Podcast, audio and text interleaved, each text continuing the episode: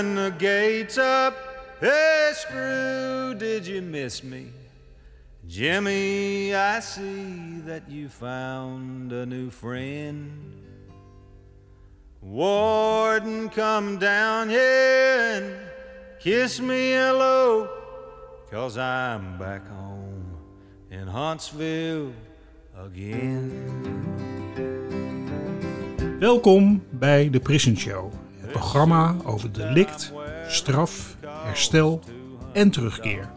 Oprecht, onafhankelijk en baanbrekend. Want iedereen heeft recht van spreken en verdient erkenning voor wie hij of zij is. Met Edwin En Frans. Yes, I'm back home in Huntsville again. Introductie voorlezen. Het is eh, vrijdag en dat betekent een nieuwe aflevering van de Prison Show podcast. Onder andere in Spotify, je podcast app of gewoon via prisonshow.nl. Dan hoef je ook geen apps te downloaden of in te loggen. Wel zo makkelijk, dus ook makkelijk te delen. En dat zullen we ook erg waarderen eh, als je het deelt met vrienden en bekenden. Want ehm, ja, we bespreken heel veel verschillende onderwerpen, maar er zijn ook onderwerpen waar we regelmatig op terugkomen. Zoals het onderwerp van vandaag. Ja, want eh, in aflevering 144 interviewden we Reine Gerritsen over zijn boek Een politiek gevangene in Nederland. Het verhaal van Hussein Barbazin. Intussen hebben Bedel Barak, programmamaker bij Pakhuis de Zwijger en de advocaat van de heer Barbazin, Adele van der Plas, niet stilgezeten. Bedel heeft voor 13 september een avond in voorbereiding waarin het boek wordt gepresenteerd in aanwezigheid van publiek en een aantal prominenten op het podium. Adele is druk bezig met te proberen voor elkaar te krijgen dat justitie toestaat dat de heer Barbersin zelf ook aan het woord komt. En heeft bovendien een mediaverzoek gedaan om de heer Barbersin te laten interviewen door de Prison Show. Door ons dus. Ehm, hoogste tijd om eh, een stand van zaken op te maken. Het is bijna 13 september. Ehm, u heeft eh, een aantal podcasts van ons eh, eh, al beluisterd in deze zaak. Adele, wat is op dit moment de stand van zaken met betrekking tot de mediaverzoeken? Trouwens, van harte welkom jullie allebei, hè? Was ik nog vergeten Nou ja, te zeggen. Ja, ja, dankjewel. Ja, Frans, jij weet ook dat eind mei heeft de Prison Show al een verzoek gedaan eh, om eh Barbara te kunnen interviewen over het eh, boek van Rijn, Ja. Gerritsen. En Bedel heeft dat eh hetzelfde verzoek gedaan een half, eh, nou, een half, twee weken later, een halve maand later. Mhm. En daarop is door de directeur van de gevangenis waar, waar Lucien op dit moment verblijft, gezegd, nou, daar geef ik mijn toestemming voor. Ik heb ook begrepen dat binnen die gevangenis eh, bij ook het personeel het boek gelezen wordt en men vindt dat belangrijk. Maar wij kregen opeens eh, begin augustus, dus na verleende toestemming, zei de directeur nog: Oké, ik ga een medewerkster eh, vragen met jullie de praktische uitvoering te regelen. Maar toen werd die medewerker ziek, dus dat liep even wat langer. Maar opeens kregen wij toen 3 augustus te horen, mevrouw van der Plas, ja, we hebben een probleem. Er zijn wat hindernissen op de weg gekomen. En daar kwam na een mail waarin de directeur aangaf, eh, eh, ik ben teruggeroepen in feite door het Openbaar Ministerie, want die heeft het ministerie van Justitie, die aanvankelijk positief had geadviseerd om dat interview over dat boek te laten plaatsvinden. Maar het Openbaar Ministerie schijnt een negatief advies te hebben uitgebracht, want het zou toch niet passen dat meneer Barbizin over zijn eigen strafzaak zou spreken, omdat dat boek van Rijn Gerritsen daar mede op ging. Nou, wij hebben toen gezegd, eh, u begrijpt, en dat begreep de directeur heel goed, wij moeten daar natuurlijk een eh, beklag tegen indienen, want het is zo dat eh, het Openbaar Ministerie eigenlijk helemaal geen C heeft in een interview van iemand die al onvoorwaardelijk is veroordeeld. Dus dat is al een hele foute instelling. Bovendien heeft Barbizin in het verleden ook al aan de Prison Show, maar ook aan NRC en andere media gewoon over zijn strafzaak kunnen spreken. Maar desondanks, meneer de directeur, wij willen u tegemoet komen, want we begrijpen ook uw moeilijke positie naar het ministerie toe.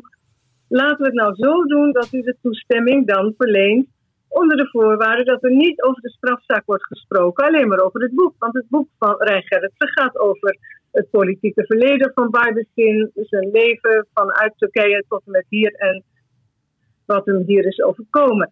Dat vond de directeur geen slecht idee en sindsdien zitten wij weer te wachten op toestemming voor dat onder voorwaarden mogelijk plaats te vinden interview. En wij hebben net gisteren begrepen van de directeur dat hij ook zit te wachten op het ministerie, met name het Openbaar Ministerie.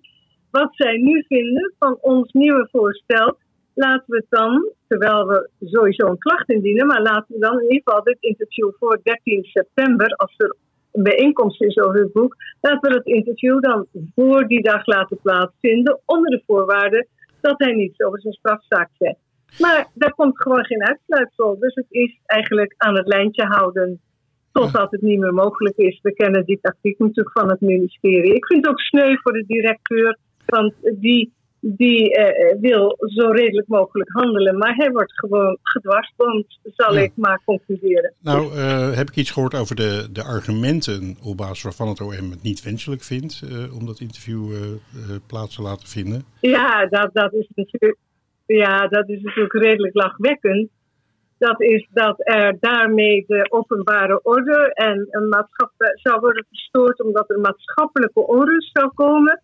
Als meneer Barbicin over zijn eigen strafzaak spreekt en met name over uh, ja, zijn stelling, en die volkomen terecht is, dat hij onterecht vastzit op vervalst, intentioneel vervalst materiaal.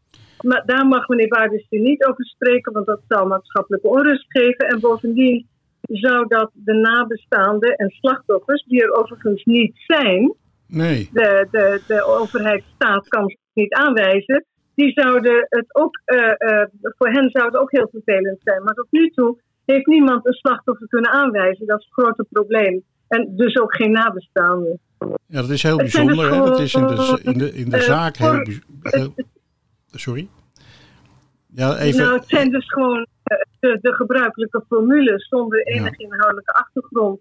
De, die men hanteert. En dat is al door eerdere beslissingen van de RSJ, de hoogste rechter hè, in penitentiair recht, is dat ook al toegegeven. Dat, er, dat, dat de staat wel roept, het zou vervelend voor nabestaanden zijn, maar dat ze tot nu toe niet hebben concretiseren wie die nabestaanden dan zijn op de slachtoffer. Ja.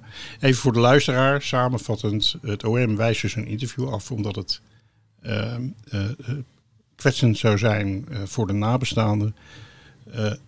het begint er al mee dat iemand tot levenslang veroordeeld is, terwijl niet bekend is wie er om het leven gebracht is in zijn opdracht, of zou zijn gebracht in zijn opdracht. En ook de nabestaanden daarvan zijn niet bekend. Um, en dat wordt dus als argument gebruikt. Dus het is, het, het is wel heel bizar wat er gebeurt, eigenlijk. Um, dus Kafkaiaan. Ja. ja, ja, heel bizar. Um, Bedel, um, jij hebt zelf Koerdische roots. Uh, wat vind je zelf van deze zaak? En, en uh, je hebt ook het boek van uh, Rijn Gerritsen gelezen. wat vond je van dat boek? Ik vond een heel sterke boek, omdat er zijn natuurlijk ja, dus een aantal andere boeken verschenen over de zaak. Um, maar wat ik uniek vond aan het boek van, uh, van uh, Rijn Gerritsen was vooral ook dat hij iets dieper terug, teruggaat in de tijd en ook heel mooi de ja, politieke, politieke context van de jaren negentig tot en met de arrestatie van uh, Hussein Bijbashin goed weet te schetsen, zeg maar. Dus hij geeft een, de, de context heel, heel mooi weer, vind ik. Ja, dat is goed om te horen, want ik als Nederlander uh, uh, heb heel veel geleerd van het boek. In die zin dat ik helemaal niet zo goed op de hoogte was van de hele geschiedenis en context daar in Turkije en, en, en met de Koerden. Maar het is wel goed om te horen dat jij als uh, uh, uh, iemand met Koerdische achtergrond, hè, met ouders die ook gevlucht zijn uit, uit Koerdistan of uit Turkije, dat jij, dat jij ja. zegt van nou, dit is wel echt een hele goede weergave. Jazeker, ik vind het, ik vind het ja, het lijkt bijna zo'n etnografisch werk in die zin. Dat is natuurlijk niet, maar wat je wel heel goed ziet is dat dat er heel veel details in zijn opgenomen. En eh, je ziet ook hè, dat, dat er echt veel is gereflecteerd. Hetgene, eh, er is ook heel veel eh, informatie over die tijd. En omdat er heel veel belangen zijn en het heel, heel erg politiek is, is het heel moeilijk om daar een genuanceerd, zeg maar, een gebalanceerd beeld van te schetsen. En vooral dat vind ik, ja, tot, tot op zekere hoogte heel erg goed gelukt. Ja. En ik denk dat dat ook heel relevant is, ook voor de zaak uh, van Bijbel zien. Omdat uh, ja, het, zo, de politieke context staat niet los van zijn veroordeling, denk ik. En dat maakt, ja, dat, dat zie je in deze boek ook heel erg goed terug eigenlijk. Ja. ja, en wat ik nog niet gezegd had bij de introductie voor de luisteraar. Het is niet alleen zo dat je zelf Koerdische roots hebt, maar je bent ook cultureel antropoloog. Dus iemand die wel enig recht van spreken heeft als hij het over dit soort dingen heeft, denk ik. Um, dat was ook, ik denk dat ook, ook vooral zeg maar, mijn achtergrond inderdaad wel enigszins.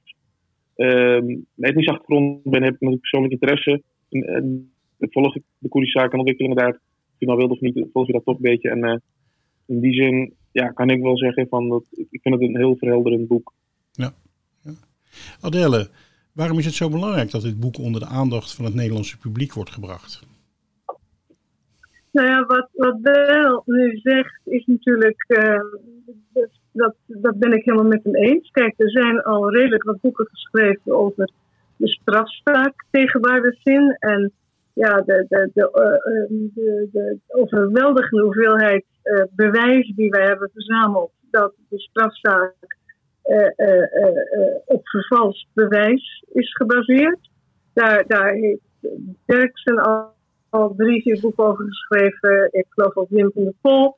Ja, Tom Derks is ook in de Prison Show geweest. Ja. Maar, ja, ja, maar wat belangrijk is van dit boek is dat het meer uitleg geeft over het waarom. In feite, van waarom dit is gebeurd. En het geeft dus een heel mooi inzicht. Enerzijds in wat er toen in Turkije gebeurde, zoals Bertel zegt, maar ook het geeft inzicht in de politieke activiteiten van Biden vlak voor zijn arrestatie vanuit Londen, waar hij toen woonde. Het, het, het uh, Koerdisch parlement in ballingschap, wat hij mede heeft uh, gefinancierd en georganiseerd. En je ziet dan ook de woede van Turkije. En dan zie je ook het motief van Turkije om Nederland onder druk te zetten om aan deze val tegen Biden mee te werken. En dat vind ik het sterke van dit boek. Dat is ook waarom we die gevangenisdirecteur hebben gezegd. Barbicin hoeft helemaal niet over zijn strafzaak te praten. Want dit boek gaat voornamelijk over de achtergrond van de strafzaak. En niet over het vervalste bewijs. Er zijn al vier boeken over geschreven. En het is heel belangrijk, denk ik, voor het Nederlandse publiek, wat moe lijkt van de argumenten waarom Barbicin uh, onschuldig vastzit maar dat ze zien waarom dit is gebeurd en dat het in feite een diep politieke zaak is. En ook nog een ernstig schandaal binnen ons strafrechtelijk uh, rechtssysteem. Ja, ik wil nog even bevestigen wat, uh, wat Adele, Adele net zei, want ik heb het boek gelezen en ik zou het iedereen ook echt aanraden, omdat het niet alleen over een hele belangwekkende zaak gaat, maar ook je leert er echt heel veel van over de, de verhoudingen in de wereld, maar ook over uh, hoe het, de context van Turkije en, um, en de geschiedenis en de cultuur en hoe dingen inderdaad gekomen zijn. en het laat zich ook wel lezen als een spannend boek. Hè? Het is niet ontzettend ingewikkeld wetenschappelijk. Het is gewoon heel prettig geschreven. Dus dat is ook een, het is echt een aanrader, dat boek. Dus um, ja, um, 13 september, hè, dat is een belangrijke avond. Um, uh, Bedel, zou je ons uh, mee willen nemen in de organisatie van, uh, van de avond in Pakhuis de Zwijger in Amsterdam? En wil je wat meer vertellen over het programma? Ja, dus op dinsdag 13 september in Pakhuis de Zwijger in Amsterdam. Mm -hmm. dan houden wij dus een boekpresentatie en dat gaat over het boek inderdaad. En daar hebben we ook een aantal sprekers voor. Dat overigens de moderator wordt onder andere gemodereerd door Erno Eskens, uh, filosoof, politicoloog, auteur. En uh, namens, hij is ook daar aanwezig namens de uitgever, Noordboek. De sprekers zijn Rijn Gerrits, de schrijver uiteraard, de wetenschapsfilosoof. Ik zal even alleen de namen noemen. Anders. Ton Derksen die heeft ook meerdere boeken geschreven over het onderwerp. Hele relevante boeken ook. Ook een hoogleraar wetenschapsfilosofie. Uh, Adelle, die nu hè, met ons is, die is er ook bij. Uh, jij Frans, hè? Jij bent er ook bij, je weet ook heel veel. Adele is natuurlijk advocaat in de zaak, maar hè, dat spreekt dus. En, uh, en dan hebben we nog een aantal Koerdische gasten. Eén daarvan kan ik noemen, dat is Serhat Boujak. Dat is een ja, heel erg gerespecteerde intellectueel, jurist en nou, Koerdische politici die nu eigenlijk ook ja, moest vluchten, dus verbannen, maar hoe je ziet, en in Duitsland verblijft, die zal bij ons zijn. Die zal ook een en ander delen over de politieke context.